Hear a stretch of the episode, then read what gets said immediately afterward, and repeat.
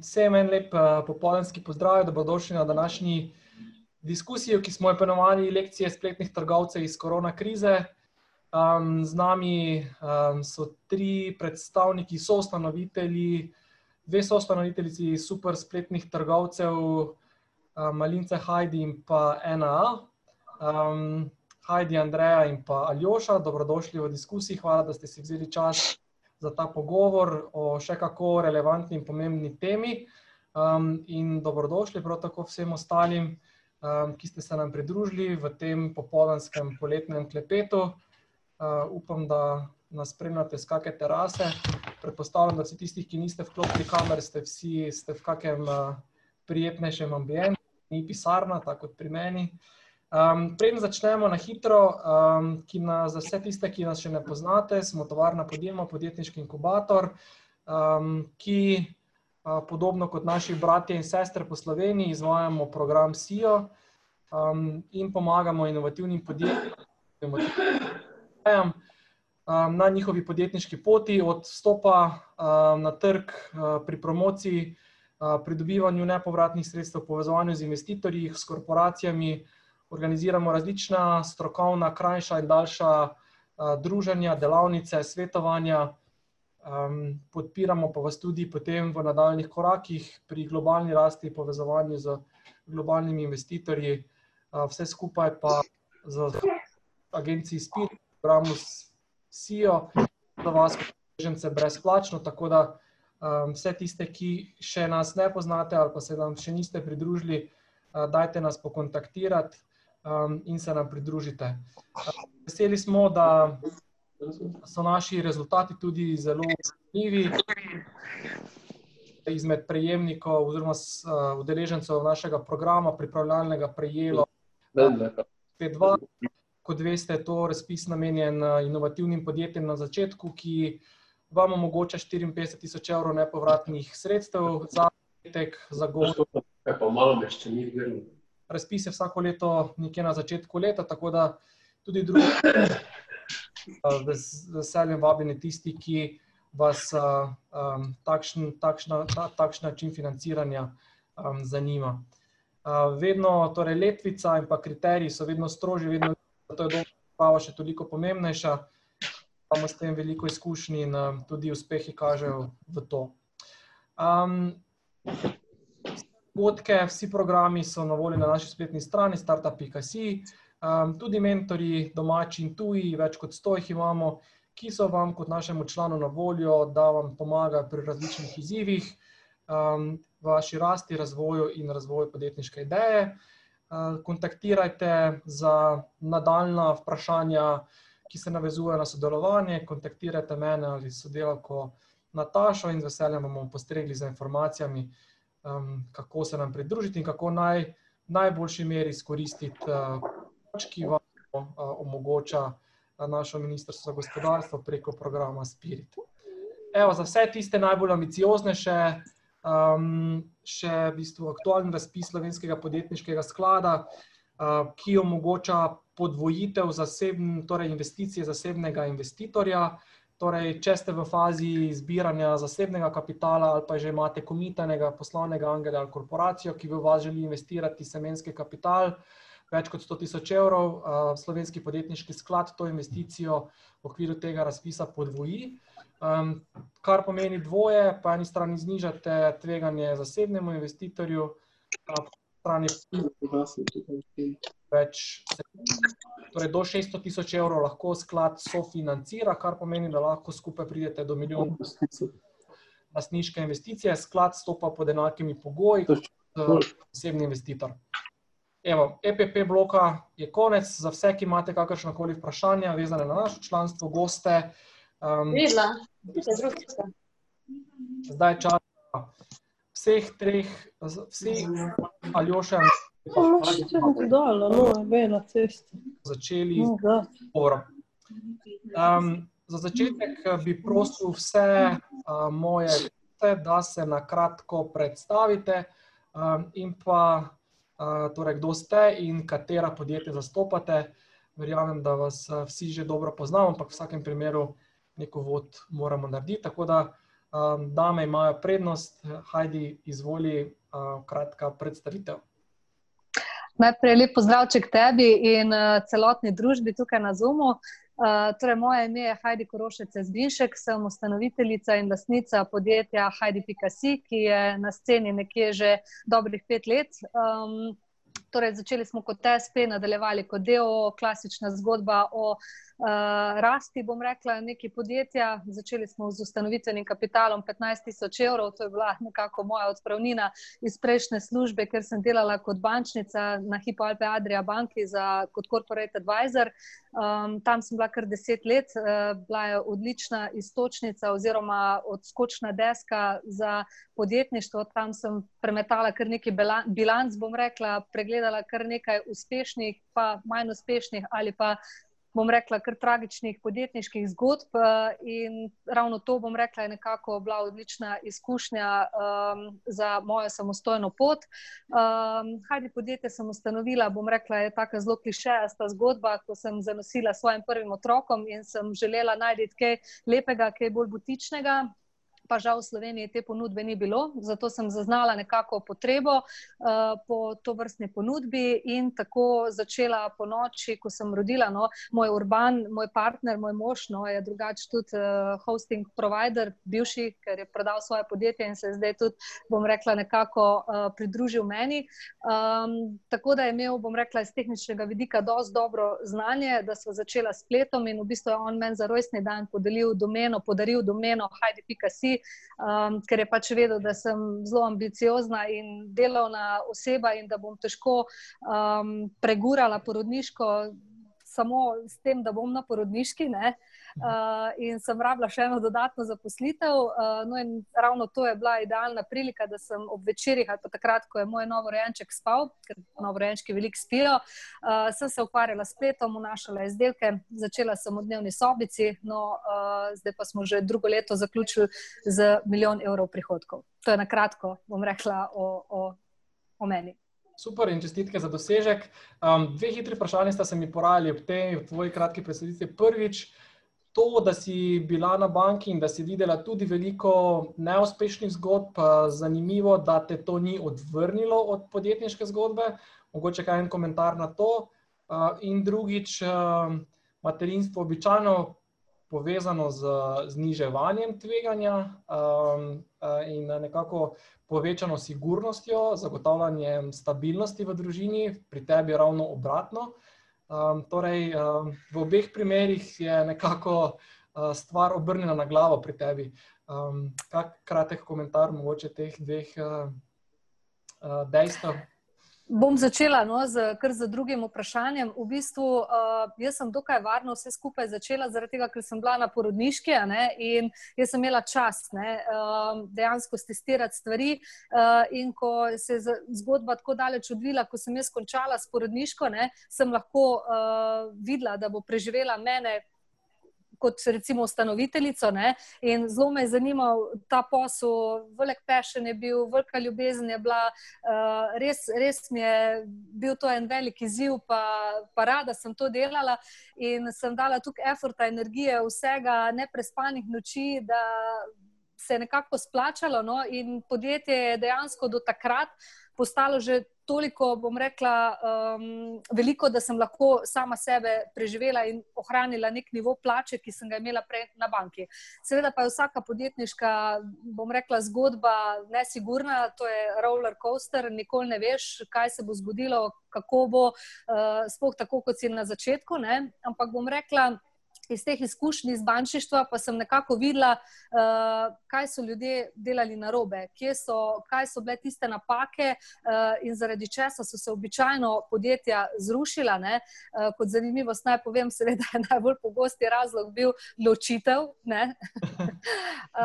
drugače pa zelo, zelo nevarna zadeva pa so tudi krediti. Čeprav sem jih takrat prodajala, ampak. Uh, um, ja, zelo previden je treba biti. Kot tretja stvar, pa tudi zaloga. O tem pa danes mislim, da bo tudi tekla debata. Gotovo.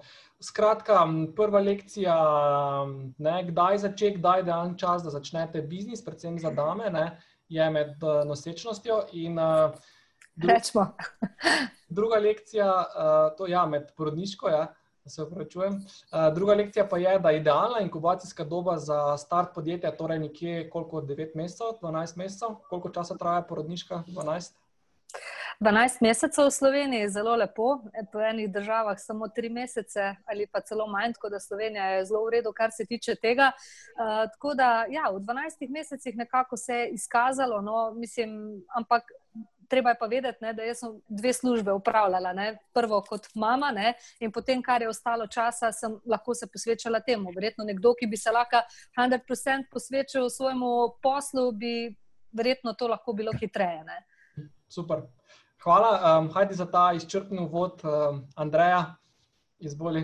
Ja, pozdravljeni še iz moje strani. Uh, jaz pa mogoče malo drugačen začetek. A se me sliši? Se? Me slišite? Okay. Uh, Mal drugačen začetek. Vidve, jaz sem solasnica uh, podjetja Malinca Delo.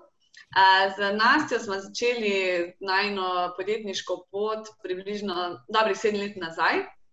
Uh, začeli smo v bistvu, uh, nobena še ni bila mamica, nobena na porodniški, ampak obe še dokaj z zelo malo uh, izkušenj. Uh, Podjetniških, sploh ne, uh, tudi jaz sem bila direkt iz uh, faksa. Uh, tako da je bilo tega, mislim, takrat smo dosti malo tvegali, no, je bil začetek lahek, ker nismo še imeli neke uh, družine za vzdrževati, uh, tudi kaj da za zgubiti, tega smo si pač šli olin in uh, poskusili. Sicer na začetku ni bilo to um, mišljeno, da bo to zdaj najna. Um, Najna služba postala, ampak to bolj nek, kot nek hobi za popoldan, ob službi. Potem pa smo kar hitro videli, po parih mesecih, da bo pa to malo več časa, um, malo več časa treba temu nakloniti, no in potem je to postavila najna, um, tak pač oren služba, cel dan, ne samo samo. Uh, tega, no ja, ukvarjamo se, Malinca um, je v bistvu spletna trgovina in blagovna znamka za zdravo prehrano in naravno kozmetiko. Uh, prodajamo preko spleta in pa nekaterih uh, veleprodajalnah v Sloveniji. Prisotni smo Sloven na slovenskem, hrvaškem, avstrijskem in nemškem trgu. Um, to pa to, na kratko. Kako številko nam postreži? Um, v 2019 smo imeli milijon pa pol prodaje. Super. Letos pa ciljamo uh, blizu tri. Bravo. Wow. Bravo. Super. Skratka, drugi, ne, drugi najboljši čas, pa enako super čas za štartamo, torej poleg uh, torej porodniške, ne, je tudi študentski čas, ne, ko imamo družine, ni dosti za zaseditev. Jaz ne vem, če bi se v porodniški uh, lahko lotila tega projekta, ker uh, moj otrok ni to spal, da bi imela še kaj zelo časa. Si že vedela, zakaj? Ja, tako da hvala Bogu, sem prej. No. Uh, Aljoša, si ti ena začel z v, v študentskih časih ali med porodniško, ajde, da slišim samo dve. Jaz sem ga končal, ker je na bivša država razpadala. Takrat sem začel. Ja. Tisti je tudi dober čas, ko se vse spremenja. Mm. Pravzaprav je firma, katera lastnik sem, Gambit Trade, ena prvih stotih v bivši v Jugoslaviji, ki so bile zasebne firme. Super. Bravo. Torej, eh, če je to eh, Jugoslavija razpadala, to tudi konec 90-ih. Eh? Ja, ja, takrat. Ne, se, najprej smo bili samo računalniška firma, in potem leta 99 uh, smo postavili še spletno trgovino. Ampak smo bili že v bistvu zelo uveljavljeno računalniško podjetje. Uh -huh. Uh -huh. um, Kaj je mogoče na kratko potekal uh, um, razvoj? Um, poznamo uh, enako kot Malinco um, in Hajdi, več ali manj vsi, jaz mislim, da smo danes tukaj. Um, mogoče neke ključne stopnje ali pa ključni meniki v razvoju um, podjetja in pa tudi spletne trgovine. Ja, enakom smo začeli prvi za spletno prodajo v Sloveniji že leta 1990, sicer konec leta, ampak vseeno je to že več kot 20 let nekaj let smo bili sami na trgu, potem so se pridružili še mimo vrste, smo kar nekaj časa tekmovali, potem so oni dobili tuje lastnike, s tem pač nek pospešek. Uh, mi smo ostali družinsko podjetje, če tako rečem, zasebno. Uh, fajn je biti sam svoj gospod, ne bi se temu reklo. Uh, tako da res pa je, da moraš potem vsako leto paziti, da narediš tudi eh, plus, ne, da nimaš minusa, ker verjetno nas v takem primeru uh, ne bi bilo več. Ampak vseeno, uh, nekako uh, nekako uspevamo se biti z največjimi uh, trgovci, ne, se pravi, jaz temu pravim, da večina mojih konkurentov Eh, če gledamo največje firme, je že mogoče celo kdaj bila pred stečajem ali prepadla, recimo če pogledamo Merkur. Podobno, ampak eh, ja, ne, na tem področju se dejansko zdaj držimo že 20 let. Eh, šli smo čez vse živo sprememb tehnologije. In pač mislim, da, da imamo en dober nos za to, kam se skupaj gre in se držimo. Tako da tudi zdaj zadnji val prehoda na mobilne telefone in to smo dobro speljali. In danes, pravzaprav, jaz temu že rečem, da nisem več spletna trgovina, ampak smo že v bistvu trgovina na telefonu. Ne, Že več prometa delamo praktično preko obiska, je že več preko telefona, no, prometa bo pa kmalo tudi več. Da, pa zadnji menik je dejansko prehod na prodajo prek eh, mobile pametnih telefonov. A, mogoče pred nadaljujemo za vprašanje vse, ki ste, prosim, da se mutate, a, nekega čudnega a, a, zvoka imamo. Tak, a, ti si še prosim mutaj, a, Sandra Kidrič, a, tak, evo, a, zvok je izginil. Super, a, tako se bomo boljše slišali. Okay, um, super, hvala lepa za te uvodne besede. Zdaj se vsi nekako okvirno poznamo, vemo približno, kje smo, uh, kakšni so bili ključni meniki, kdaj smo začeli. Um, zdaj pa gremo na, uh, torej na prvo nekako vprašanje. Uh, torej, še enkrat, vse, ki želite zastaviti vprašanje našim gostom, dajte to zapisati v čat. Um, in uh, jaz čat redno spremljam in bom ga potem prebral in zastavil vprašanje. Evo, um, torej, um, stanje pred korono, uh, kako ste poslovali, um, kako ste pridobivali kupce, um, in seveda, kakšno je bilo to stanje pred korono v primerjavi s tem stanjem po koroni. Lahko par mogoče ključnih, bom rekel, primerjav, če se da tudi kakšne um, kake številke. Ali bodi si po številu uporabnikov, prometu, obisku, konverzija, skratka, mogoče kakšna taka groba primerjava, da bomo imeli malo občutka, kje ste bili, torej, bom rekel, pred vem, 12. marcem 2020 um, in kje, kaj se je potem zgodilo um, uh, po koroni. Tako malo za občutek, vsakega, prosim, kratko, ena, dve, par ključnih dejstev, največjih sprememb prej in pa po. Uh, Ker, Andreja, če ti začneš, vidim, da si še priklopljena. Ja. Um, zdaj, tako večina spletnih trgovcev smo tudi mi v času korone uh, pač opazili, mislim, imeli porast. Tako v obiskovalcih, kot uh, v prodaji, uporabnikih, uh, tudi kar precej se nam je dvignila poprečna košarica na nakup. Um, zdaj, kaj je bila največja sprememba v tem času? So, naprimer, pri nas se je opazilo, da so se začeli drugi izdelki prodajati. Največ tisti, ki so se pred korono. Uh, ki mi večinoma, ne vem, kozmetika, prehranska dopolnila. Uh, ti so se pa malo uh, umaknili, pa so stopila od spredja, pa nam osnovna živila, naprimer moke, kakav. Um, to, kar je pač takrat, kar so ljudje takrat iskali. No. Mi smo pa to tudi um, nekaj zapeljali, da smo oglaševali potem te stvari uh, in to postavili od spredje um, nekako komunicirali pač, uh, te osnovna živila, hitra dostava na ta način. Um, se nam je pa dvignila prodaja na nekje 25% iz potem uh, februarja, marca oziroma marca, aprila. Hmm. Super, hvala. Uh, Heidi. Ja, jaz bom rekla tako, no, da pred korono smo poslovali stabilno, nekje 20% nam je delala fizična trgovina, morda še nekoliko manj, 80% splet. Uh, v glavnem, ko se je pojavila koronavirus, smo mi že pred samim ukrepom vlade uh, zaprli uh, trgovino, uh, pred samim ukrepom, ker nam je bila pač varnost nosečnic, uh, mamic, uh, skratka otrok in tudi zaposlenih na prvem mestu, zato niti nismo videli smisla. No, se potem, mislim, da čez par dni je tudi strani vlade prišel ukrep, da je treba fizične trgovine zapreti. Uh, Sveda smo vse effort uh, takoj usmerili v, v, bom rekla, v splet. Uh, mi se že tako zelo veliko ukvarjamo s spletom, bom rekla, od oglaševanja različnih marketinških pristopov, kombinacij, koktejlov, vsega, kar se možnega pač da delati. Uh, in uh, potem, bom rekla, smo postali z tega vidika še toliko bolj agresivni, ponudili smo določene akcije, tako je brezplačna poština. Recimo, šli smo z nekimi pravči, kjer smo vedeli, da bomo nekako prišli do strank, uh, ker se nam je to zdela odlična priložnost, ki jo je treba. Uh, bom rekla, izrabiti, ne, uh, oziroma zagrabiti, prej boljši izraz. Um, moram reči, da.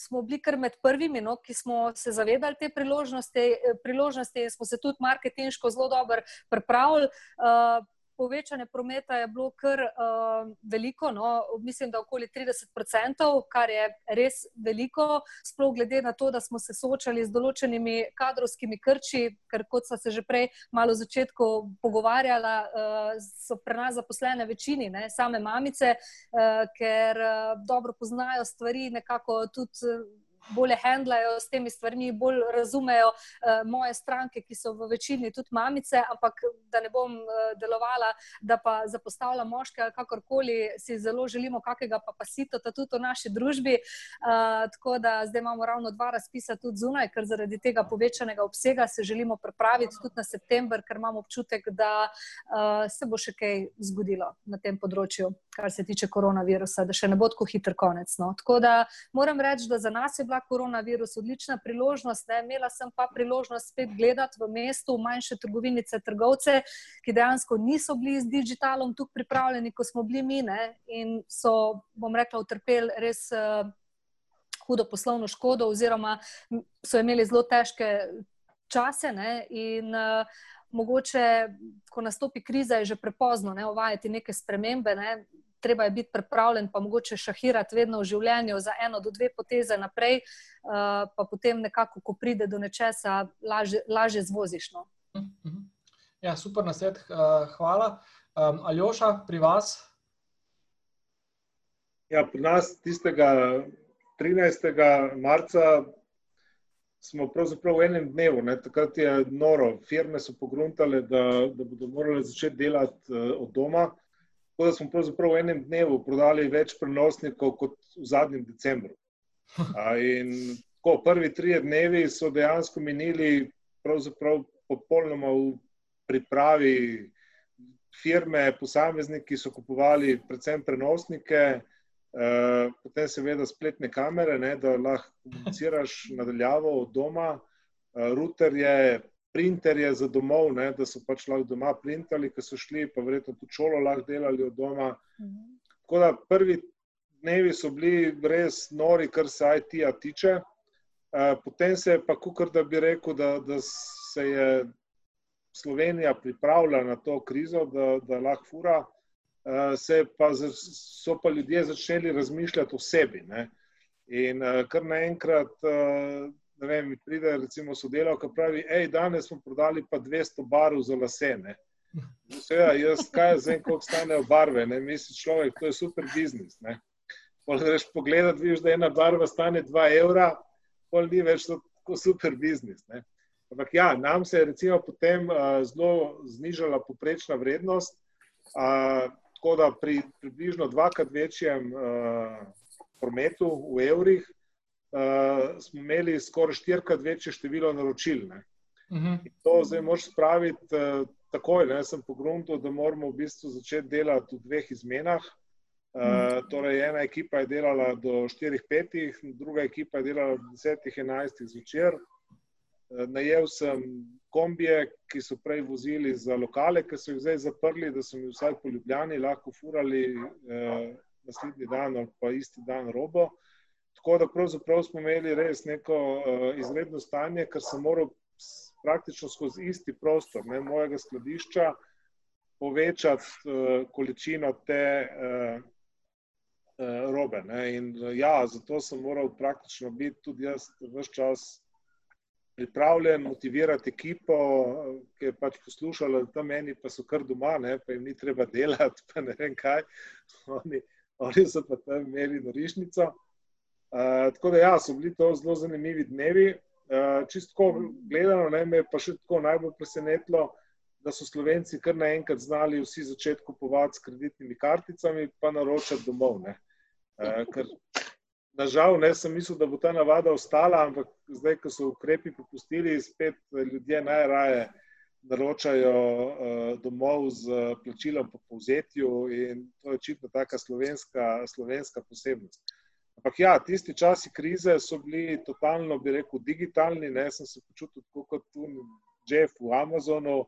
Vsi so plačali vnaprej s kreditnimi karticami, treba je bilo samo še dostaviti, nisi videl nikogar.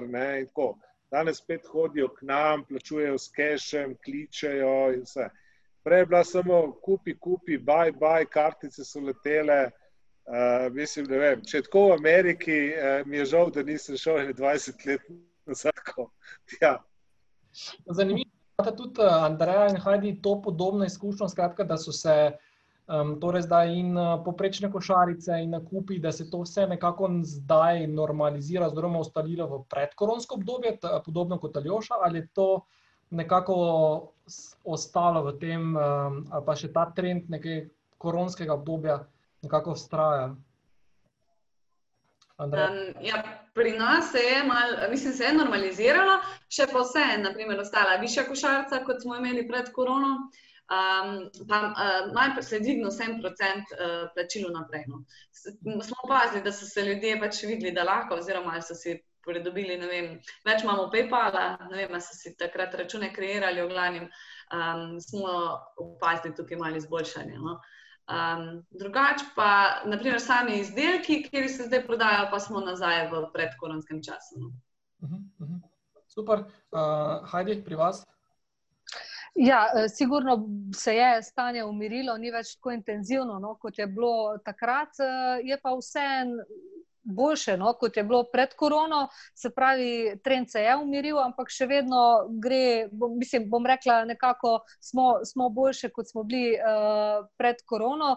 Uh, to pa zaradi tega, po moje, ker smo dobili tudi neke nove kupce, ki so dejansko dobili zaupanje, uh, bom rekla, v našo spletno stran. Mi se pojavljamo v večini tudi kot distributer, kar pomeni, da nekako moramo razpolagati z zalogo. In jaz sem takoj zaznala problem, ne, uh, tudi o tem, uh, ko je korona nastopila, sem vedela, da slejko prej bojo zaprli meje. In če zaprejo meje, jaz ne bom mogla robe dobiti. Tako da uh, vedno moraš imeti na strani nekaj denarja ali pa vsaj dobrega bankirja, uh, da si lahko urediš financiranje, da sem lahko nabavila robo, ker dejansko je prišlo do oskih grl. Tudi Kitajci niso več proizvajali in dostavljali v Evropo, kar pomeni, da je bil en začaran krok, ker se je bilo treba pripraviti na njega, pa uh, čim več robe pokupiti, ne? ker jaz sem celo celo mislila, da bo še huje, kot je na koncu izpadlo. Um, tako da, uh, se veste, tisti, ko ima pa potem ne, na koncu robo, tisti lahko prodaja, tisti, ki je nima, prodaja ne more vršiti. Če prodaja ne, vr ne vršiš in si trgovsko podjetje, imaš lahko hitro problem. Uh, zdaj pa, če rabiš robo, ne, moraš imeti pa denar kjer pa se spet lahko marsikaj zatakne. Ne? Zato je vedno dobro imeti kako rezervo in biti pripravljen tudi na, na, na takšne, bom rekla, izzive, no? uh, ki jih prenašajo lahko. To vrstne situacije. Se pravi, zato pa to je treba vedno šah igrati, planirati vnaprej, uh, pa nekako predvideti, kaj se lahko zgodi. Jaz sem vedno pripravljena na vse možne scenarije, uh, predvsem pa slabe, pa ne, da sem pesimist, bom rekla bolj, da sem realist, uh, zaradi tega, ker te potem noč ne preseneti. Ne? In uh, računati, da se bo kar nekaj dobro išlo, je nima smisla. V podjetništvu ne. Zanimivo. Um, to že mogoče zdaj. Um, Vkolikor bi se, torej zdaj za vami je tako verjetno zelo pestra, tri mesečna, pa štiri mesečna izkušnja. Ne? Um, zdaj, um, vsi ste dobro uh, izkoristili poslovno, um, uh, poslovno to obdobje. Um, zdaj, kaj bi pa spremenili, recimo, če bi se še enkrat pripravljali na podobno obdobje, da bi na mesto 25 v bistvu povečali promet za 200%? Um, kaj bi spremenili, um, kako bi se pripravili, da bi podobno obdobje uh, s podobnimi karakteristikami še boljše izkoristili? Skratka, kaj v vašem podjetju, marketingu, kaj bi organizaciji dela, kaj bi spremenili, da bi torej izplen iz tega takega scenarija? Jaz bom rekla tako, ne, da na take situacije je ful težko biti pripravljen. Ne. In tudi, če bi hotel za 200% povečati promet, ali si kadrovsko sposoben to narediti. E, ravno ta kadrovska podhranjenost je lahko hud problem, sploh pa v tej koroni virus, ko ne vem, kako boš upravil razgovore, kako boš pridobil novega človeka, kako ga boš učil. Uvediti smo mogli dve smene, tako kot je že prej uh, povedal moj predhodnik. V glavnem, uh, skratka, tukaj je bilo enih organizacijskih problemov, hkrati pa želiš ohraniti nek nivo storitve se pravi, da če stranka danes naroči, da jutri dobi ali najkasneje pojutrišnjem, ker vemo, da ta hitrost je danes blazno pomembna. Ne? Prav tako customer support, customer service, tudi nismo se mogli organizirati. Ljudje so delali določeni od doma, skladišče ne more delati od doma. Ne? Logistični center je mogel funkcionirati, laufati v polni meri, oziroma še bolj kot prej. Uh, tako da uh, se pravi. Um, To uh, moraš tudi, mogoče, malo včasih, wow, iti nazaj, zato da lahko greš dva koraka naprej, ker 200-odstotno rast z obstoječo ekipo bi mi, vsaj jaz osebno, mislim, da zelo težko speljali na takem nivoju, na katerem želimo pač delovati. Ne? Lahko bi, ampak ne vem. Kaj, kaj je bila ključna sestavina, ki vam je manjkala za 200%? So bili to kadri, ali je bila to zaloga, ali je bil to denar? Uh, kaj je bilo? Kaj bi, recimo, Jaz bom rekla, da v, prvem, v prvi fazi vsekakor je kadrovsko. Mislim, se pravi, mi smo navajeni dati uh, visoko kvalitetno storitev, uh, kar se tiče hitrosti, uh, rednih dobav, torej customer supporta, menjav, reklamacij, skratka vsega, kar, kar se tukaj v tem smislu dogaja. Tukaj marsikatero podjetje, bom rekla, pozablja na stvari. Imajo odličen marketing, potem pa izklopljene, bom rekla, um, recimo komentarje na Facebooku. Zakaj? Mm zato ker nekaj ne štima. Ne? Se, jaz se ne bojim uh, imeti sklopljenih komentarjev na Facebooku. In tudi, če dobimo kakšno kritiko, jo vzamem kot konstruktivno in sama zelo rada te stvari prebiram, zaradi tega, ker to je dobra informacija meni, da znamo v podjetju stvari urediti, ker to je tudi ne na zadnje moja naloga. In jaz bom rekla, jaz sem vedno bila usmerjena uh, res stranki in želim, da je pri meni stranka zadovoljna, da se dobro počuti in da se rada tudi vrne k meni. In jaz mislim, da je to ena taka stvar ključna, uh, ki jo mora vsak spletni trgovec smeti nekje res na tisti, na prvem, prvo postavko na, na, na svoji listi. No? Uh, Kako, kako obdržati uh, stranke, pa jih uh, recimo spustiti, oziroma da so zadovoljne s tvojo storitvijo. Um, Ali oša, um, se strinjaš, bi še kaj dodal? Glej, mi smo šli krat dva, šli smo tudi krat tri. Ne? To je vse stvar uh, organizacije. Res pa je, da, da smo dobro, da smo bili že prej dobro organizirani. Uh, in tudi zdaj, kot sem rekel, tako sem rekel, najel tiste kombije. Če bi danes, potem, ko smo enkrat razmišljali, uh, smo se že pogovarjali, ne, kaj bi danes, recimo, če bi se to ponovilo, ja. uh, naredili. Ja, pravzaprav bi, bi takoj kupil še več uh, zaloge ne, od vseh distributerjev okrog nas, pa na filo vse une kafiče okrog ena.com, ki so bili tako prazni. Ne. Tako, da, tako kot sem une šoferje izkoristil, da so potem vozili po Ljubljani in so bili izredno zadovoljni, uh, bi dejansko izkoristil še kaj. Ne? Ker v tistem času na eni strani je ostalo ogromno ljudi brez dela uh, in uh, mi smo imeli pa full dela. Ne?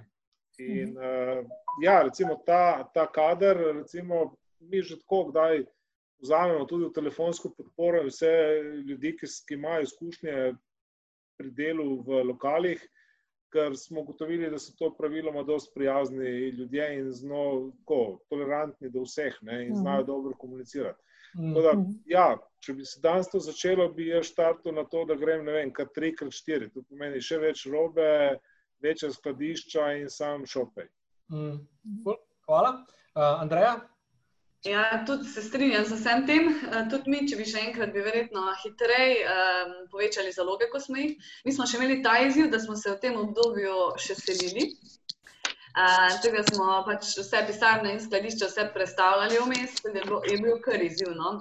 Um, Speljati to, brez da bi trpelo od pošiljanja paketov, brez da bi pač storitve trpele, um, smo res bili kar. Um, zagnani. No, tukaj moram res pohvaliti tudi našo ekipo, ful so bili pripadni. Tako se mi zdelo, da ker so vsi okrog bili v malce težjih situacijah, vsak je poznal enega, ko je izgubil službo, ko ni mogel delati. Da smo vsi bili tako veseli, ker smo lahko delali, da so vsi delali res 300%, nobenemu ni bilo težko mm, delati nad ure, delati med vikendi, pač res smo dali pač vse od sebe.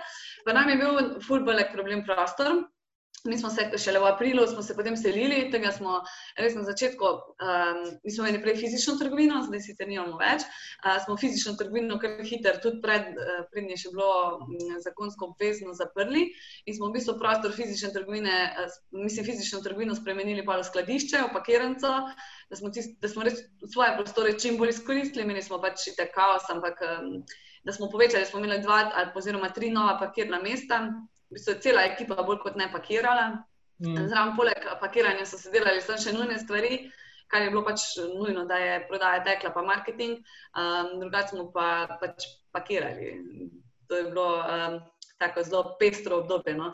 Uh, so nas pa res, zaloge so nas kar, um, so nam delale nekaj težav, no, ker ko je enkrat uh, se začela kriza, nismo več mogli tako hiter, čeprav hrana še ni bila problem, hrana je še vseeno imamo dokaj lokalne dobavitele, ni, smo, smo dobili še zalogo, so, ampak je kak dan več trajalo, kot bi drugače, in smo, um, smo imeli manj manjka no, vmes. Če bi še enkrat, bi se pač prej, oziroma hitreje, ful povečali zaloge. Mislim, se smo povečali za 100%, sam pač to za tiste razmere ni bilo dovolj. No.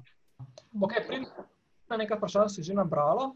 Um, malo interaktivnosti med današnjim pogovorom, če greste, pripravili smo eno tako kratko interaktivno anketo. Če greste na spletno stran menti.com uporabite to kodo, ki jo vidite na ekranu, uh, lahko glasujete na, oziroma se odgovorite na vprašanje, torej, katere produkte ste v času korona krize v največji meri kupovali preko spleta.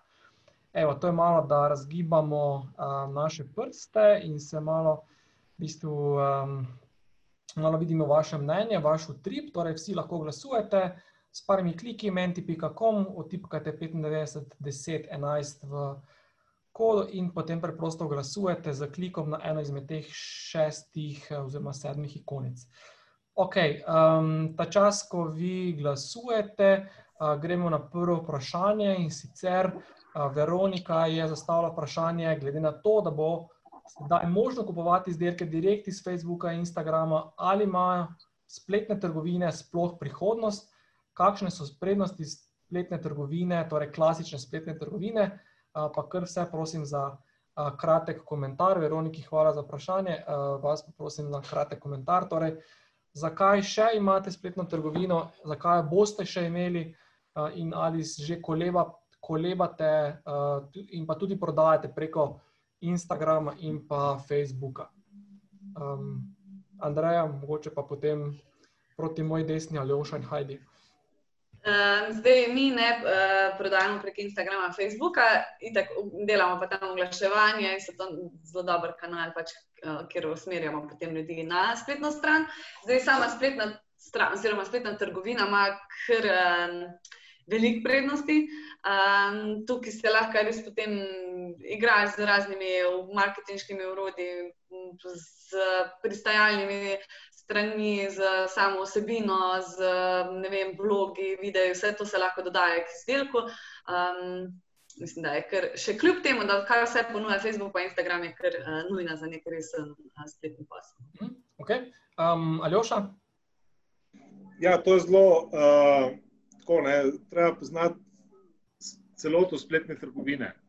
Uh, ko se to zgodilo, bom jaz imel recimo uh, 300 tisoč, jaz imam 300 tisoč izdelkov pripravljenih, da jih ruknem na Facebook in na Instagram, ko se bo to začelo. Ne? In bo to pač počela mašinerija, uh, in se tega sploh ne da primerjati ne, s tem, kar bo takrat začel početi Amazon.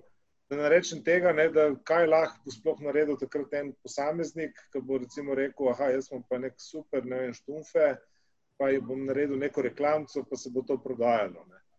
E, tako da e, ta nova tehnologija, ki pride, e, pravzaprav vedno, je vedno v korist tistim, ki so večji. Ne. V tej celi zgodbi, odkar sem v, spletu, pomeni, da moš rast, da moš imeti večjo ponudbo, že samo to je nekaj vredno. Ne, da, uh, ne se veseliti časa, ki je sicer že blizu. Ne. Jaz delam v nekih programih, kjer se to že počne in vem, da, da prednost ima tisti, ki je sposoben,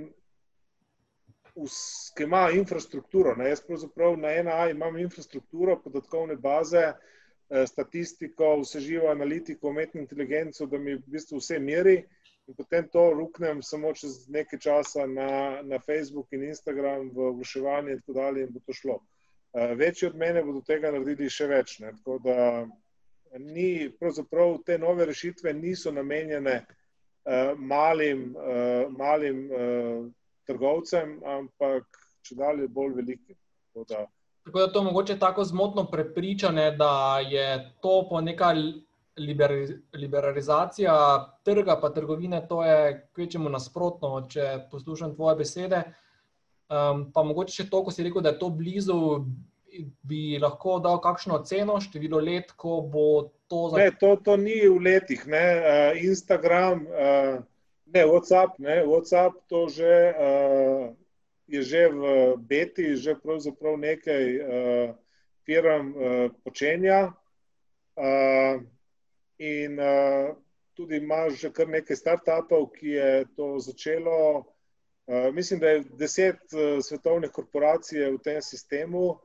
Uh, jaz sem že videl, kako začenjajo na tak način tržiti turizem. Se pravi, ti klepetaš tam v WhatsAppu, priješ gor na ena A, rečeš, že jaz bi rad uh, notisnik, potem ti sistem rukne par notisnikov, ne, jaz bi cenejšega, sistem ti da cenejšega. Uh, rad bi tak disk in potem ti v bistvu umetna inteligenca rukne, uh, ta je pa fajn, ne? in potem rečeš, ja, kupim. Ne? Ampak od zadaj je baza, ne? če nimaš tiste baze, ki imam jaz z vsemi prenosniki z dostavo v Sloveniji, potem ta umetna inteligenca ne more, ne more funkcionirati. Uh, nakup dejansko zaključiš takoj v WhatsAppu, sploh ne greš nikoli na ena api.com, ne greš ponudniku hotelske storitve ali karkoli, ampak od zadaj je backup vse, vsega tega, kar je že pripravljeno. Če ti ga nimaš, potem ne moreš tega uh, početi. To je neki scenarij tega uh, kitajskega WeChata, ki je družbeno mreže, trgovina, osebna identiteta, praktično vse v eni aplikaciji na nek način. Ja, nekako tako. In je pa to še mogoče celo en korak naprej, no, vsaj za nas, evropejce. Uh, Ker smo pač malo navajeni tega GDPR-a, pa vem, vsega živega, zaščita, ne vem kaj. Ampak ja, ne, v bistvu danes trend je, da ti prodam karkoli takoj. Ne. Jaz samo v enem kliku. No, mislim, predstavljaj si, ne vem, priješ na enako, priješ na malinco, nekaj ti všeč, kupiš, telefon ve vse o tebi ima tvojo kreditno kartico, to je že plačano, to je že na poti. Ne. Zdaj v klasični spletni trgovini to traja nekaj časa, moraš biti pisati naslov, pa kreditno kartico, pa to, to bo zdaj vse hitrejše. Torej, zelo se dela na tem, da se potrošnja uh, spodbuja in da so uh, nakupi če dalje bolj impulzivni, ne, da nimaš časa kot kupec uh, razmišljati. Ne. V tem zdaj vsi razmišljajo, da, da bi uspešili prodajo. Ne. Pravzaprav, Facebook uh, in ostali ne bi radi dobili nek kolač, ki ga je do zdaj imel v bistvu najbolj Google, ki je plačeval uh, prodajo te klike. Ne. Ampak zdaj bo dejansko to možno kar znotraj teh komunikacij. Ali boš prišel na Instagram, boš videl slikco, boš imel kar gumb kupi, ne boš več šel na ena, če ti bo tisto všeč, boš kar tam kupil. Ne. Da, ta stvar, mislim, da bo, če ne bi bilo korone, bi mogoče bila že od zunaj. Ne. Tako da zdaj jaz računam, da bo ali jeseni ali pa naslednje pomlad. Mogoče to imata um, uh, Andreja in tudi Heidi, imate tudi statistično podkrepljeno, se strinjate s tem, da je se čas, nakupni čas od uh, začetka nakupa do zaključka nakupa skrajšal v tem, v tem obdobju. Um, ste to kaj merili, je to neka relevantna statistika, ki tudi ali oš? Nismo tega merili še eno. Okay. Okay. Um, prav, hvala. Uh, Teodor je zastavil zanimivo vprašanje. Aljoša, edini med sogovorniki, uh, imate izkušnje z recesijo 91-28. Uh, kakšna bo Q4 2020 in celotno 2021? Torej, katere panoge niše bodo takrat najbolj trpele? Torej, uh, Aljoša, Nostradamus. Uh, uh. Ja, trenutno, trenutno v Sloveniji je tako, ne, da pravzaprav je vsi zaposleni so dobili podarjenih trikrat, po, trikrat, štirikrat po 200 evrov od države. Uh, zdaj smo dobili vsi bone. Pravzaprav jaz mislim, da poprečen slovenc ni bil že dolgo časa tako bogat, kot je ta trenutek. Uh, res je, da so bili eni brez služb in vse, ampak poprečje je tako, da je denarja precej. Potem sedeli so doma in gledali svoje staro pohištvo, svoje stare televizorje in ta trenutek uh, precej kupujejo. Jaz mislim, da bo tudi Q4. Uh, slovenc ne bo šparil, uh, leta 2021 pa bi pač verjetno prišel na trg nov evropski denar. Uh, torej, ne verjamem, da uh, bo kdorkoli v tem trenutku omejeval potrošniško mrzlico državljanov Evropske unije, ampak jo bodo še pospeševali. Ne? Kaj pa to generalno pomeni na naše splošno stanje? Naš standard, jasno, verjetno bo inflacija in vse ostalo temu sledila, ampak dajmo reči, da leto 2021, jaz mislim, da bo še vedno tako bolj žurka leto, no, kar mhm. se tiče potrošništva. Hajdi, Andreja, se strinjata za Ljošo? Ja, se jaz mislim, da nepremičninska kriza je bila tudi en dober pokazatelj. Jaz sem takrat recimo bila v bančništvu in uh, sem doživljala vse skupaj, prej smo tržili pa ne vem, kredite, dajalne, menice, poroštva in tako naprej. Uh, potem, ko je pa prišel pač uh, do zloma borze in potem nepremičninske krize in tako naprej, uh, so se pa stvari v bančništvu tudi uh, zelo precej spremenile, spremenile in naenkrat smo iz komercialistov postali praktično izterjevalci. Uh, v glavnem, najhujše je bilo seveda v gradbeništvu, uh, avtomobilska industrija, recimo, tle se najprej pokaže kriza, potem pa se počasi razširi tudi na vse, na vsa, vse ostale dejavnosti. Um, v glavnem, uh, zdaj tako sem že prej rekla, ne, tudi koronavirus je kriza.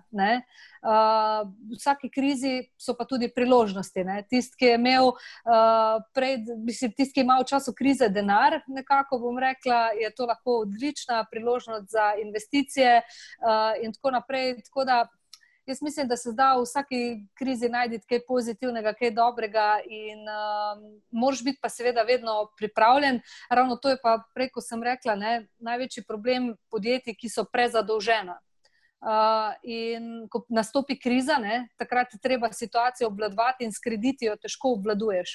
Uh, uh, težko vračaš kredite, ob tem še rasteš, dodatno zaposluješ, uh, zalogo handlaš, skratka, milijon nekih stvari. Ne? Uh, zato bi jaz rekla, da. Najboljše, najboljše podjetje se mora nekako preživljati samo. Ne? Sej za kakšna obratna sredstva ne rečem, ali pa če je zdaj to res neka investicija, ki bo na drugi strani opustila nek strošek, ne? uh, ampak nekako podjetje mora priti do te točke, da se, da se, da se samo preživlja. No. Če ne, se ne splača imeti podjetja. Mm, mm. Zanimivo je, ja. se strinjam. Um, mogoče še to zdaj kratek komentar na te rezultate. Skratka, ljudje, torej 13 odgovorov, največ si kupovalo hrano, potem izdelke za šport in vadbo dom um, nekaj tudi takih, ki niso kupovali preko spleta. Ali vam torej tudi ta malo spremenjene nakupne navade um, uh, so vam dale misliti in tudi um, nameravate spremeniti strukturo asortimana v vaših spletnih trgovinah, torej ga razširiti uh, dodati kakšne nove produktne skupine, ali boste ostali recimo v svoji domeni um, in bolj optimizirali procese, delali na marketingu uh, in na ta način, na nek način povečevali dobičkonosnost, uh, promet in tako dalje. Uh, koliko vas te torej nove nakupne navade um, silijo ali pa spodbujajo k temu, da boste spremenjali asortimane kot take in šli v kakšne druge panoge mogoče? Jaz mislim, da recimo veliko krat je tudi bila napaka marsikaterega podjetnika to, da je zašel iz tiste svoje osnovne smeri, ki mu je prinašala denar in dobiček. Ne? In kar naenkrat je delal en kupenih stvari, ki so mu vzele ful časa in denarja in v bistvu je najbolj trpela ta osnovna, bom rekla, neka linija, ki je, ki je bila core business, um, zato da se je vlagalo v te neke obstranske stvari. Recimo, bom povedala en banalen primer. Uh, podjetje, ki je super delalo, krasno delovalo, potem pa je direktorju nekdo rekel, da uh, gremo se mal borzo. Ne? Uh, in ne, so se začela vlaganja. Če se ti greš v borzništvo, ti moraš imeti neko znanje, ti moraš razumeti stvari, kako deluje, in tako naprej. Uh, in tako je, recimo, zelo ogromno ljudi, recimo podjetnikov, zašlo v neke sfere, ki jih sploh niso poznali, ali pa neke nepremičninske naložbe, v katerih blage veze niso vedeli, ali bo gradbeno ali ne bo gradbeno, ali kaj se bo zgodilo, ali bo tam avtocesta ali ne bo tam avtocesta, neke špekulacije, neki posli, oziroma da jih je odnesel ta moment na hitro zasluženega denarja. Uh, prej so pa leta in leta garali, da so pripeljali podjetje do neke točke. Ne? In tukaj se mi zdi najbolj pomembno, da, da, te, ta, da, te, ta, da te ta stvar ne odnese. No? Uh, to se mi zdi, sem velikrat opažala, bom rekla, prej kot bankirka pri podjetnikih, kje so naredili napake. Ne? In ena izmed teh je bila tudi, da so zapustili to neko osnovno linijo. Tako da jaz mislim, da če ti nekaj dobro dela, just keep on going, uh, investing. Uh, razvijati, seveda, stvar, uh, marketinško jo vse čas uh, nekako negovati ne, uh, in pa paziti na kakovost storitve. Uh, seveda, mi vedno kaj dodajamo zraven, ne, ampak vse, kar je znotraj naše panoge, se pravi, mi želimo biti specializirani od nič do tri in jaz želim, da vsi, vse mamice, vsi starši, vsi očki, vsi uh, babice, detki, tete, strici vejo, da bojo prehajdi najdel nekaj v tem smislu. In širitev nabora izdelkov, vsekakor ja, ampak v tem mojem specializiranem segmentu, ker ga dobro poznam, uh, ker vem, kaj je dober izdelek, ker. Um, Uh, točno vem, uh, kaj starš potrebuje, in se mi zdi najbolj pomembno, da ostanem tukaj in razvijam znotraj tega, in tako širim nabor izdelkov. Ne da se spuščam zdaj v neke veje, recimo, ki, ki nimajo veze s, s tem mojim osnovnim poslom. Tako je moje osebno mnenje. No? Hvala, Andreja, se strinjaš? Uh... Ja, mi imamo, imamo kar izkušnjo s tem, da dejansko na začetku, ko smo začeli vključevati artikle, smo šli fulno naprej široko, no, različne vem, kategorije mal, m, mm, smo vključovali, no, in smo pa videli, da bo mm, vse bolj dobičkonosno in dolgoročno bolj stabilno, če mi a, gremo res neko svojo linijo, tako je Hajdi rekel, da ne zajadraš v neke druge. Mislim, nismo čisto druge sfere, ampak že sam. Izdelke, ki niso bili čisti tisti naši fokusni. Tega, zdaj smo v bistvu še vedno v prestrukturiranju eh, samih eh, asortimana, se pravi, da eh, manjšamo ponudbo in bomo držali v svoji pač, v prodaji samo lastno blagovno znamko in pa ne tako široke ponudbe.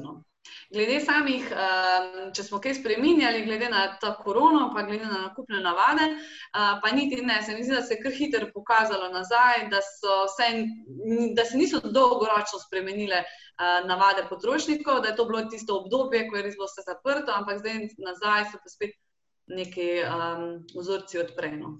Um, Aljoša, ti omenil torej barve za lase um, bo teh kategorij, uh, ki niso kor vašega biznisa, še več v prihodnje, boste torej širili. Imamo v prihodnje tudi videli, vem, pri vas zdravo prehrano in vse ostale stvari, ali boste nekako ostali v krogu ali pa pri asortimanu, ki ga imate zdaj. Kak, kak, kak je tvoj pogled na to uh, isto vprašanje? Ena, ena je pravzaprav marketplace, ne, tako kot sem. Pravi, načeloma če imamo dobre partnerje, prodajamo karkoli. To je v bistvu storitev uh, trgovine. Ne? Uh, ja, uh, tako da, seveda, ne, da bi se mi zdaj, recimo, lotili teh barov za lase in vsega sami, da bi imeli ljudi, ki se bi na to razumeli, in to tega, sigurno, ne bomo uh, naredili. Uh, iz same zgodovine imamo v firmi tisto ekipo, ki dela v IT-ju, predvsem s podjetji.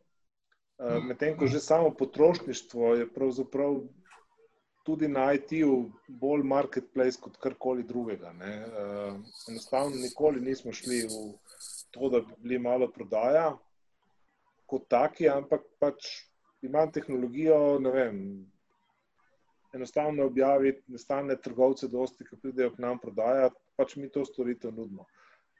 In iz tega ne gremo, ne? ker če ne bi verjetno bil tako kot moj glavni konkurent, tudi jaz vsako leto v globokih eh, minusih.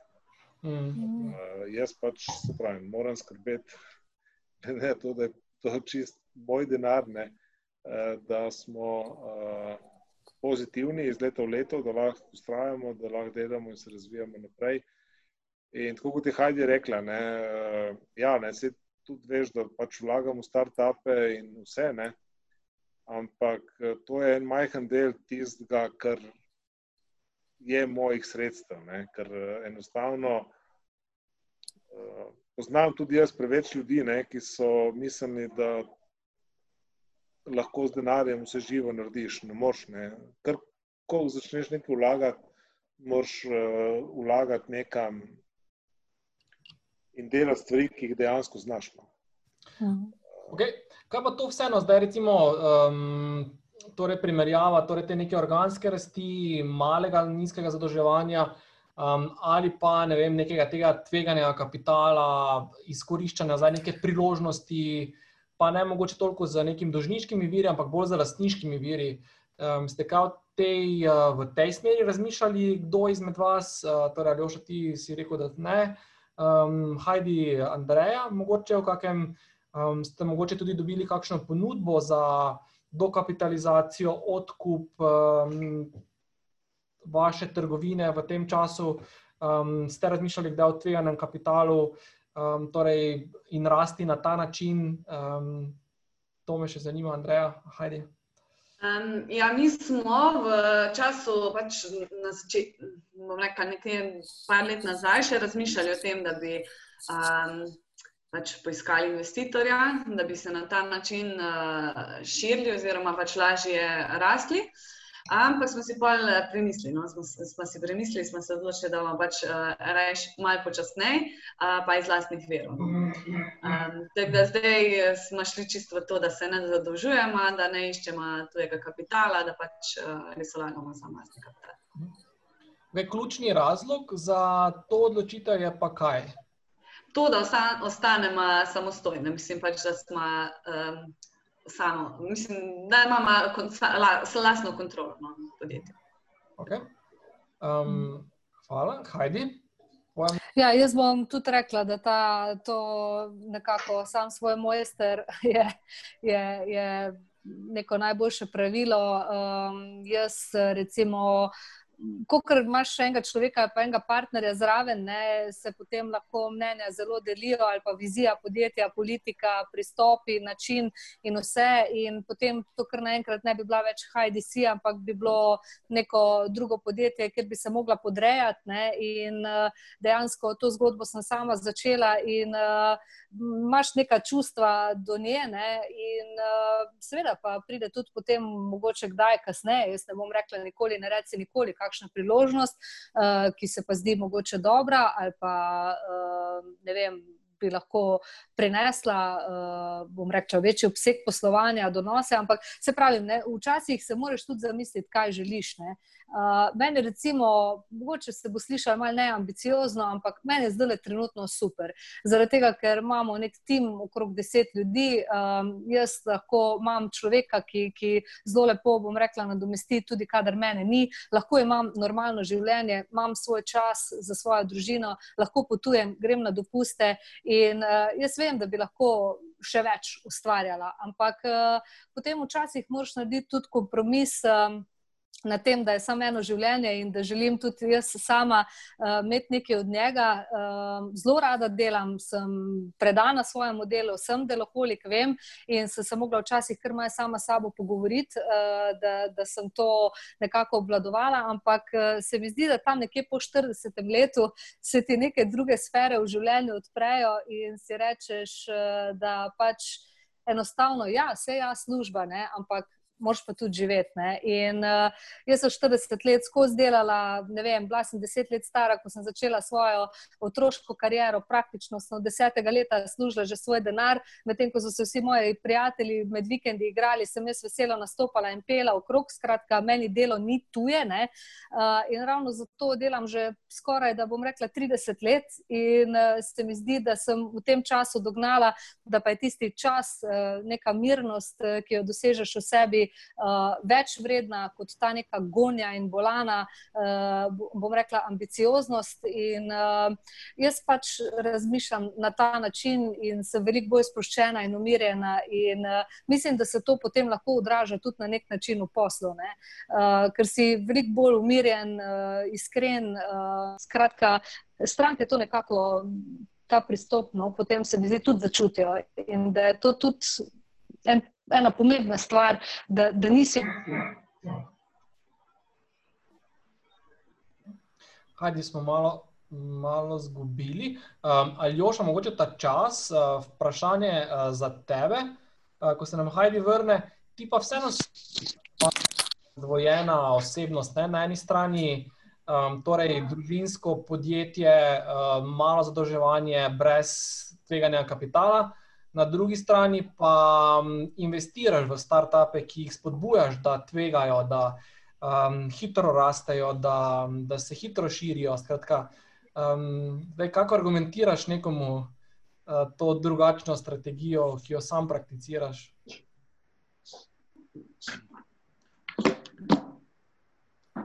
Jaz, meni je ena in pač moja firma je tista moja osnovna dejavnost, ki mi meni, družini, jaz sem skupaj pač zagotavljal neko stabilnost. Ne. Um, v startup svet sem šel malo zaradi investicij, uh, malo tudi zato, ker sem ugotovil, da pač moja firma ni toliko velika, da bi lahko se, ko se je začel ta IT in spletna trgovina širiti, delala vse sama. Ne.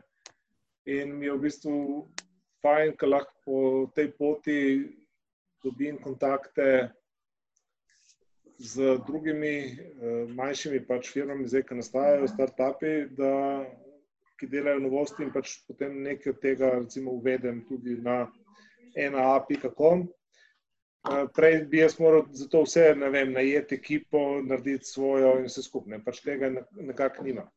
Uh, tako da zdaj uh, gre pa za veliko razliko, ne? treba tudi tako upoštevati. Jaz sem na.com začel za Amazonom, uh, in ni bilo nobene šanse, da postanem Amazon. Uh, se pravi, ko pogledaš pač skalabilnost, uh, moraš izkoristiti nek pravi trenutek, da nekaj prideš. Uh, jaz uh, ne rečem, da nekoč ne bom tudi jaz sam postal startup, če bom imel neko tako idejo in dobil kapital in šel delati in vse živo. Uh, ampak ja, ne, jaz pač v svetu startupov je cel kup firm, ki začenjajo nekaj iz nule, nekaj, kar dejansko ima šanso, da postane prvo na tem svetu in zauzame položaj, ne vem, ko imaš recimo, ne vem, največji tržni delež uh, na svetu. Takrat, ko sem začel z ena.com, smo nekaj let celo sanjali, ker je bila ena.com prva v regiji, ni bila samo prva v Sloveniji. Takrat tudi recimo v Avstriji in Italiji ni bilo praktično nobene primerljive spletne trgovine, ko smo mi delali. In smo razmišljali, da bi šli seveda tja ven, ne? ampak takrat nismo razmišljali kot start-up. In uh, hitro smo ugotovili, da sta italijanski, avstrijski, da ne rečem potem nemški trg tako veliki, da rabimo ogromno denarja. Uh, in tega pač nismo šli riskirati. Ne? Mogoče je pač to bila moja napaka, ampak ja, ostali smo tukaj na nekem sorazmerno majhnem trgu, rečemo, da smo blizu Haraši. Uh, ampak na koncu, koncu, danes še vedno Evropa nima svojega Amazona, no, če tako rečem. Tako da tudi za to je mogoče še čas. Uh, sem ja, vedno treba, jaz mislim, da je treba gledati od kajsa do kajsa. Ne. Če imaš nekaj, ki začenjaš iz nule, potem ne moreš narediti sam za svojo vas, ne, pa za svoje mesto pa državo. Pol moraš startati na veliko. In ja, jaz na veliko to podpiram. In uh, vsakega, ki vidim, da ima neke take možnosti, ga bom vedno podpiral in porival, bi rekel, na to uh, mednarodno sceno. Mm. Jaz sem pač v svojem lifeu, takrat, ko sem začenjal, imel druge izzive. Ne, kot sem rekel, firma moja je bila med prvimi stotimi v bivši državi, z zasebnimi podjetji. Potem smo se soočali vem, z samostojno državo, kako sploh se zmanjšati trg. Pač smo imeli druge izzive, no, kot pa mogoče globalizacija. Čeprav zgleda, da smo se ukvarjali z vrhunsko tehnologijo v tistem času. Ampak ja, pač jaz sem zadovoljen s tistim, kar sem v danih razmerah naredil in mislim, da nismo bili v, v pravem času, na pravem kraju, da bi naredili kaj več. Okay. Um, Danes pa ne mislim pol joka za tem, ker nam je bilo fajn. Itak, itak. Uh, se strinjam. Zdaj, glede na to, da se počasi uh, zadnjih 15 minut nam približuje, uh, nekaj vprašanj še je vezanih in predvsem na marketing. Ne? Torej, um, kam, v, kam ste se v tem času um, osredotočali, kar se tiče torej, marketinga. Um, koliko se marketing, um, torej, ali stroški marketinga, konverzijske stopnje, um, torej, podražile, spremenile uh, v tem času, to, in kam vlagati, v, torej, kot spletna trgovina, um, kaj je vaš sekundarni marketinški kanal, um, malo mogoče okrog tega najprej, skratka, najprej, koliko se je marketing spremenil, ali so se cene, količniki spremenili, in drugo, ali ste kaj spremenjali marketing uh, zdaj v, tem, v teh zadnjih treh mesecih, uh, ali ne. Ali oša, če ti, ti začneš? Lahko. Uh, spremenili nismo ničesar, kar smo že prej oglaševali, pravzaprav samo na Googlu uh, in Facebooku. Pač klasično oglaševanje na klik. Uh, verjetno se komu splača tudi na Instagramu, komu tudi na LinkedInu. Uh, tako da tisti, ki sprašujejo, kje je kaj, pač morajo najti svoj medij, kjer v bistvu dosežejo svojo ciljno publiko. Ključno, vedno, kadar predavam ljudem, je poskuste, vem, na Facebooku lahko poskuste z tam že cirka pet uh, evri na dan. In uh, če iz teh 5 evrov ne dobite po treh dneh uh, dovolj, ne, se pravi, ne vem, porabite 5, prodate za 20 evrov, uh, potem nehajte, ne, ker uh, enostavno ne, tisto, kar sem se naučil, ker sem začel spletno trgovino in ko se je prvič, ko se je Google pojavil, se je zdaj fajn, ne, malo bomo plačevali, bomo dobili publiko, pol smo cari in gremo. Ne, eh, ne bom več rabo Google, kritik, ljudje bodo potem hodili k meni. Ne. Ni res. Eh, spletni trgovini moraš vsak dan plačevati oglaševanje, da folk hodi k tebi. Sploh, če imaš trgovino, v katero ne hodijo vsak dan. Ne. Recimo, jaz imam vsaj veliko izbiro izdelkov in pride vsak dan, lahko nekateri jim pač kupijo večkrat tudi na na mesec, da ne rečem na teden, nekaj, ne, pol me ne pozabijo. Če imaš nek produkt, ki ga vsak, vsake toliko nekdo kupi pri tebi, potem moraš pravzaprav nenehno oglaševati. In vsakmu, kar rečem, ni vprašanje, kje, kaj, kako, ni. Treba je najti svoj oglaševalski kanal in ukalkulirati strošek oglaševanja v ceno proizvodov in to vse čas kontrolirati. Pa zdaj dajo oglase na Google, na Facebook ali Instagram ali na WhatsApp, kamorkoli enostavno vse čas mirte, koliko denarja pride nazaj. Ker vse, kar boste vrgli čez, vam garantiram, da se ne bo nikoli povrnilo. Eh, ne, ne sanjajte, da boste prek oglaševanja dobili vem, toliko in toliko kupcev, ki se bodo pa potem vračali in z naslednjimi nakupi boste morali, eh, bodo vam prinesli denar nazaj. Ne, naslednjimi, za naslednje nakupe se boste večinoma morali spet truditi za njih. Ne. Mm. Uh, redke so izjeme, ki lahko ohranijo kupce, forever. Vse bodo iz malince povedali, mogoče malo drugače, verjetno imajo kar nekaj svojih zvestih kupcev, ker postajajo pravzaprav brand na svojem področju, ampak sem pred, vem, da se morajo tudi tam truditi, da pravzaprav spomnijo tudi svoje fene, da pridejo še enkrat. Enostavno ni, spletna trgovina ni mašina, ki nosi denar. Ves čas moraš oglaševati. Reja, blasi iz... Absolutno, se čist strinjam, zelo še res. Mi ful veliko del, mislim, res veliko vlagamo v marketing, tudi uh, ne vem, ni ene akcije pa nam, da ne bi pač potegnili nazaj celega marketinga vem, na vseh socialnih omrežjih. Uh, zdaj, v zadnjem letu gremo če dalje več tudi na offline, se pravi radio, televizija, uh, časopisi, džamboti. Res pač hočemo vse kanale um, doseči. Um, ne vem, zdaj, tukaj je težko pa meriti same rezultate, odkud kdo pride, ampak um, prodaja raste, tako da mislim, da je to pač en pravi način, da gremo pač na vse kanale, ali vsot. Um, Hajdi, mogoče še kakšna misel iz strani?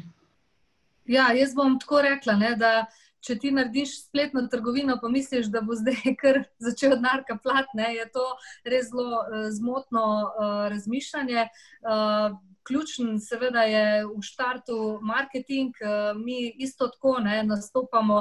Zdaj smo se poslužili tudi teh uh, off-social, uh, bom rekla, pristopov, billboardi, um, skratka, uh, šli smo tudi na TV, uh, eh, radio, uh, seveda uporabljamo od TikToka, AdWordsov, Facebooka, mailinga, uh, skratka, Instagrama, LinkedIna, vse, kar se da. Uh, veliko težo ima tudi, bom rekla, sodelovanje z blogerji. Uh, zdaj, moj mož, ne, ki je, bom rekla, zelo tehničen in zelo rad miri stvari, ne, uh, mu neki pristopi marketinški, kjer direktnih meritev ni, niso najbolj bolj všeč.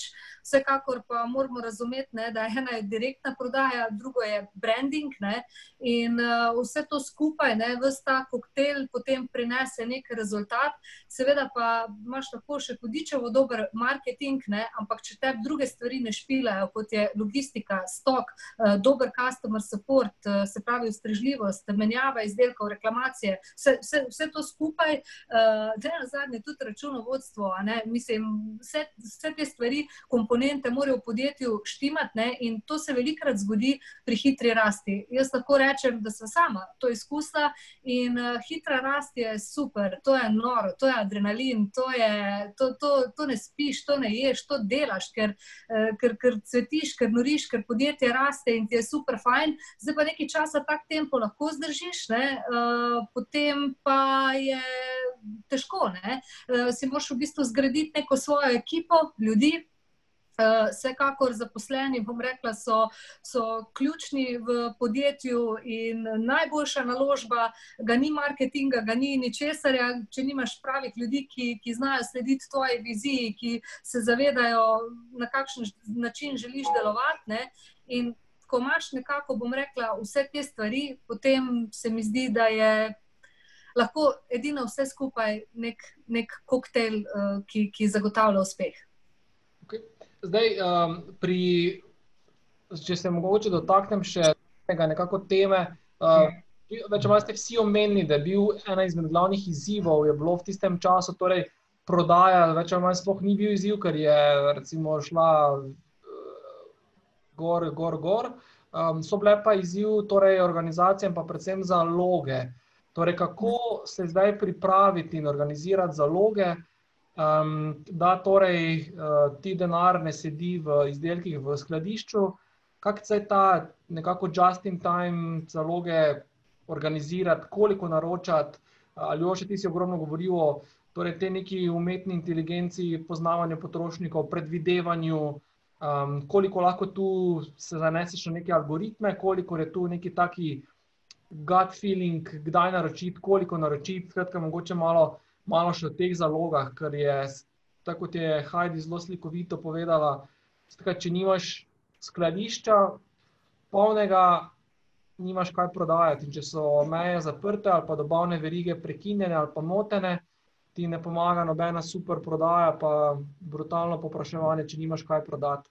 Uh, mogoče še kaj za zaključek na, na to temo. Skratka, zaloge, organizacija, nabave um, in pa to predvsem v luči zdaj, bom rekel, tega zadnjega kvartala, ki nas, um, torej september, oktober, november, Q2, Q3, um, ko nekateri napovedujejo tudi znova uh, ta nekako drugi val, zapiranje in se scenarij znajo ponavljati. Torej, zaloge, um, management zalog, um, kako to handlati. Zaloge so, tako karikirano povedano, vedno težava. Ne? Lahko jih nimaš, pol ne moreš prodajati, eh, lahko jih pa imaš, pol se jih bi rad poznebil. Ne? Eh, tako da. Uh, tisto, kar danes uh, softver, uh, in to gledam, recimo, ko delam z mojo prodajno ekipo, uh, se pač nasmejimo. Ne? Jaz jim pravim, da so bolj vedeževalke, ko pridejo na sestanke, joj, ta televizor, to je odličen televizor. Ne? In ko vprašaš, ja, zakaj pa ne? In polk naenkrat ugotovi, da ne zna razložiti, zakaj ne. Uh, tisto, kar sem jaz ugotovil na spletu, je, da pravzaprav kupci so iracionalni. Ne? Sploh ta masa ljudi uh, nekaj kupuje. Torej, uh, jaz bom rekel vsakmu tako, vedno je treba gledati, kaj se je dogajalo lansko sezono, kakšen je trend. Uh, v bistvu moraš zelo dobro vedeti, kaj delaš. Ne? Se pravi, moraš poznati branžo, moraš poznati sezono, lansko leto, zadnje dneve in temu primerjati. Se pravi, ne razmišljati, da če boš pa imel na zalogi, da boš potem povečal prodajo. Ne, ne imel boš težavo, ker pač ne boš uspel. Moraš znati izračunati doseg, uh, imam toliko in toliko ljudi, in potem bodo ti in ti kupovali. Ne. Eh, tudi se treba zavedati, da danes uh, je ponudba zelo široka. Recimo, mogoče se zdelo komu čudno, ne, ampak recimo na ena kom danes prodajam več kot 700 različnih monitorjev, približno 600 različnih prenosnikov. Uh, Prijemskih aparatov imamo okrog 250, mislim, zdaj razmišljati, ne, da bo en kupil samo tisto, kar si ti vzel na zalogo, to je boljš, da pozabiš. Zdaj, vedno se moraš zavedati, da, da smo ljudje različni. En kupi belo, en zeleno, en večji, en manjše. Stvari, ki tebi sploh niso všeč, uh, je nekdo v njih zaljubljen. Ne. Tako da kupec, ko kupuje na zalogo, vsak, ki začenja z biznisom, jaz vedno pravim, danes so vsi podatki dostopni. Imamo statistični urad, cel kup uradov in da se ugotoviti, koliko slovenci česa recimo kupimo, kdaj kupujemo in potem može biti zelo realen, koliko si ti v tej zgodbi sposoben potem prodati. Ker se moraš zavedati, da nikoli ne boš imel vsega, ampak samo en košček tiste ponudbe, ki je na trgu. In tudi, če si najboljši, najugodnejši, ne bodo vsi šli k tebi iz razno raznih vzrokov. Tako da, uh, tisto, kar mogoče manjka, pač ljudem, ki danes začenjajo spletno prodajo. Jaz temu rečem, marsikdo je res, kot je Hajdi rekla, uh, preveč verjame v moč interneta. Uh, vse tam dosežem kar naenkrat vse, no te moči ni, to vam jaz povem, da je ni. Ne? Odpreti trgovino na spletu, jaz rečem, je isto, kot da je odpreš v Sahari. Uh, zelo majhna šansa je, da te bo nekdo našel, če se ne boš oglaševal. Eh, zagotovo te ne bo nišče našel, no, če se ne boš oglaševal. Recimo tole pagementi.com, če ga ti danes meni ne bi omenil, jaz nisem še nikoli slišal za njega in mene je bilo gorne. Tako da, uh, ja, moraš eh, to in potem, ko ljudje pridejo, moraš imeti nekaj, kar jih zanima. Ne, torej, naj, ne vsak, jaz te mojim dajem tak na svet. Najbolj vesel sem, ko kupijo en izdelek premalo. Ne, se pravi, to pomeni, da vedno prodajo vse. Ne. Moji prodajalci in nabavniki bi pa radi vedno kupili nekaj več, da ne bi zmanjkalo. Ampak ne, kupite toliko, da vam bo zmanjkalo. Zanimivo. Uh, uh, Andreja, hajdi enak na svet. ja, zaloge so pač. No, kar. Kar, kar, kar, Andreja. Pravim, zaloge so vedno pač izziv. Jaz mislim, da nikoli ne moreš zalog toliko naštudirati, da bi pa zdaj imel glih prav vsega. No. Um, mislim pa nam, se, mislim, sploh zdaj v tej korona krizi so se nam zaloge čist na glavo obrnili. V bistvu, izdelki so bili, dru, drugi so se prodajali. Izdelek, ko ga prej res ni šel nekaj, brez marketinga, se je začel samo sebe prodajati, pač res zaloga se nam je zbrkljala čisto. Smo rabili kar en čas, da smo se nekaj um, ulovili v te nove. Um, Nove načine, nove, nove prodaje. No. Um, drugače, mi zdi, da nekaj obladujemo zelo, ko so uh, neki uh, klasični dogodki, ko ni kakšne korone, um, medtem ko pač v tem času je pa pač bilo kriza. Um, Zdaj, ja, zelo ga pejte, vedno. Manj je, bolj, mislim, po eni strani, glih, glih za dosti mora biti, če je preveč, je narobe, če je premalo, je spet narobe v glavi. Pač, jaz mislim, da nikoli ne bomo uh, zadeli tiste prave točke. No. Kratka, tu ni neki, nekega, nekega silver bulleta, neke magične softvera, ki ti to predpostavlja. Jaz mislim, da ne. Sploh po takih primerih, kot je bil zdaj, ker tudi mi imamo zadnji sistem, ko nam javlja, kdaj ni, ne vem, kdaj je treba naročiti, kdaj ni, koliko je primerna količina, ampak tukaj je pač vse um, hladno. No. Okay. Uh, Hajdi, imaš ti kak uh, fajn svet za zaloge? Kako to? Ja, Zaloga je tako, uh, fajn je, da jo imaš, ne? če jo imaš pa preveč, te pa lahko tudi ubije oziroma pokonča. Skratka, zaloga je živ organizem. Uh, jaz vam bom rekla, zelo sem upeta v sam nadzor zaloge in nabave, uh, ker se mi zdi, da to dva zelo pomembna področja. Sploh zaradi tega, ker mi se ukvarjamo tako z sezonskimi izdelki, kot tudi z high fashion baby accessories brendi, kar pomeni, da vsako sezono spreminjajo kolekcije in da ko stara kolekcija ostaja, jo moraš razprodati. In zdaj, uh, jaz sem tista, ki poznam vse kolekcije, ker sem od samega začetka zraven in točno vem, česa se moram zdaj biti, kje moram dati popuste, kje moram pušnati, da gre.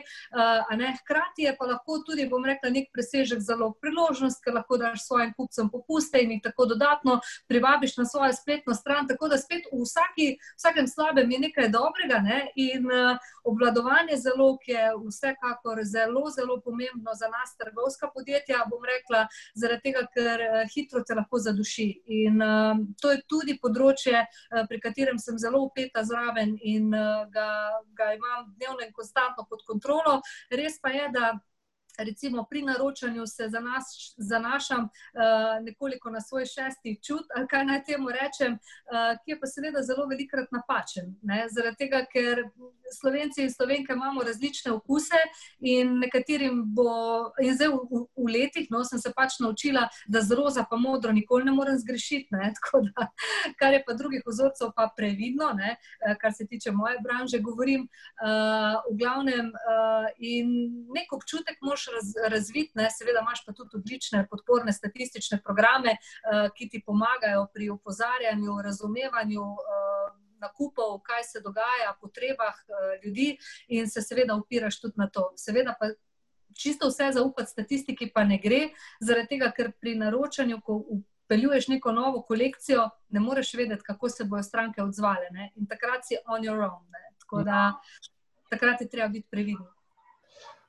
Okay, super, eh, super na svetu. Mogoče samo za, za še eno kratko vprašanje za vse vas. Katera um, funkcija v podjetju se je morda izkazala pri vas, torej za vaš konkreten primer, da je bila podhranjena in jo boste v um, prihodnje še ukrepili? Torej, zdaj govorimo o.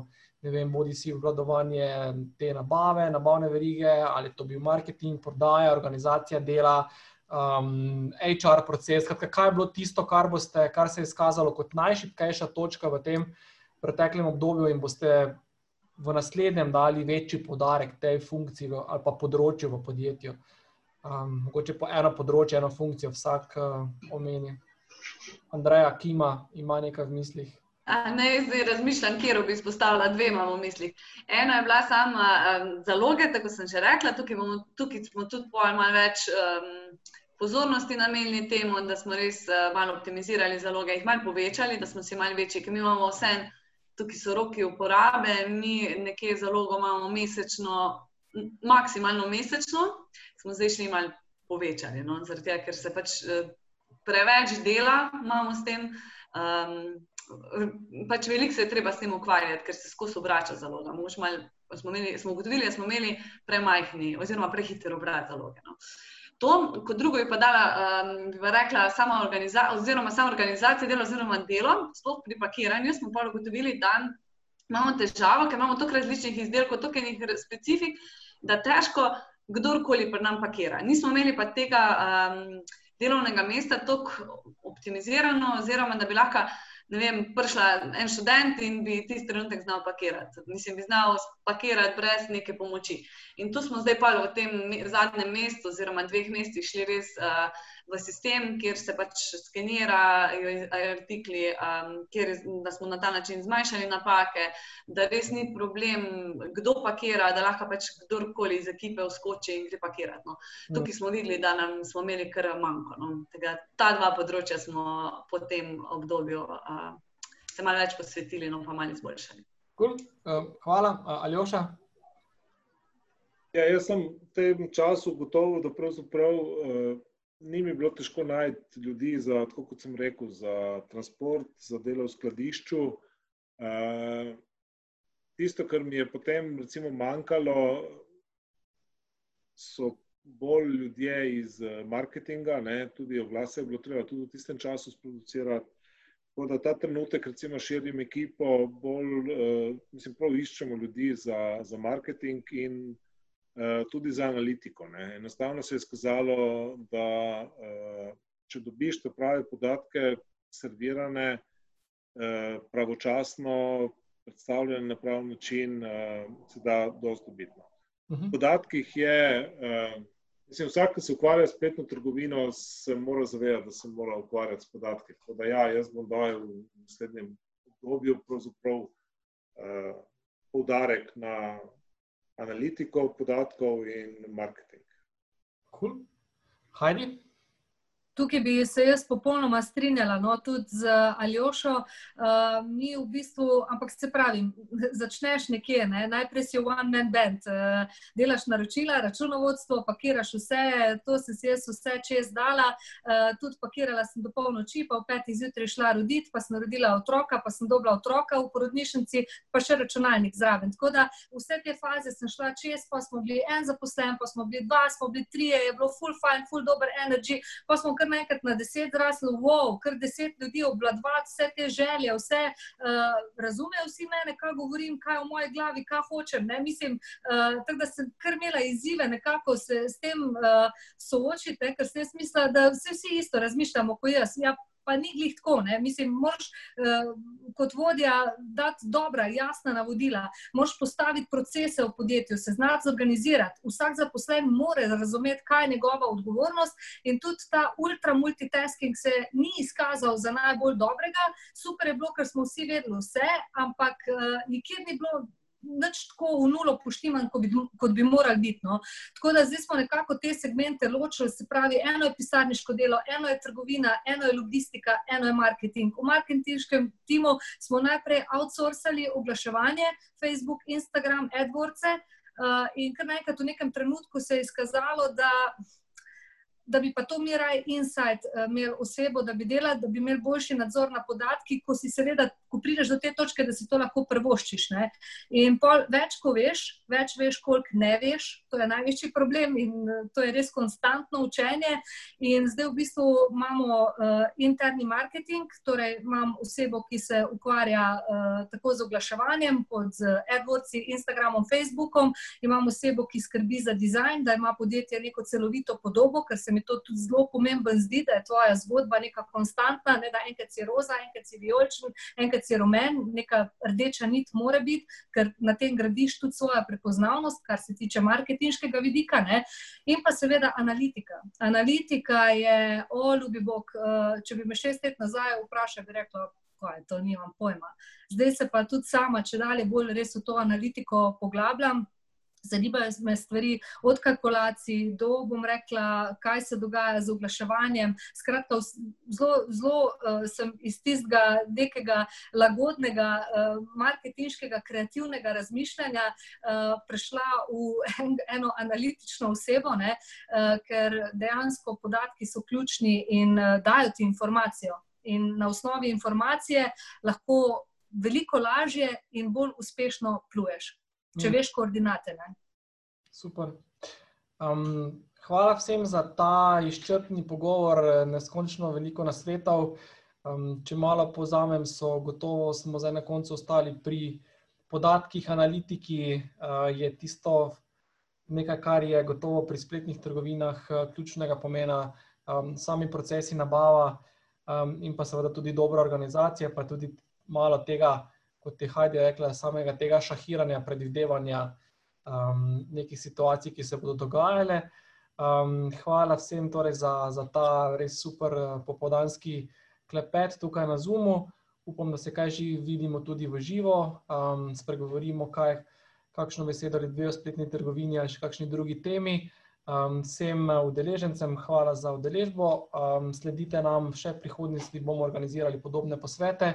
Vsem želim uspešno delo, um, vam spletnim trgovcem, ki ste bili za panelom, torej uresničene poslovne cilje, um, še tako uspešno drugo polovico leta pa dajmo reči, da naj se rezultati ostanejo, pa brez korone.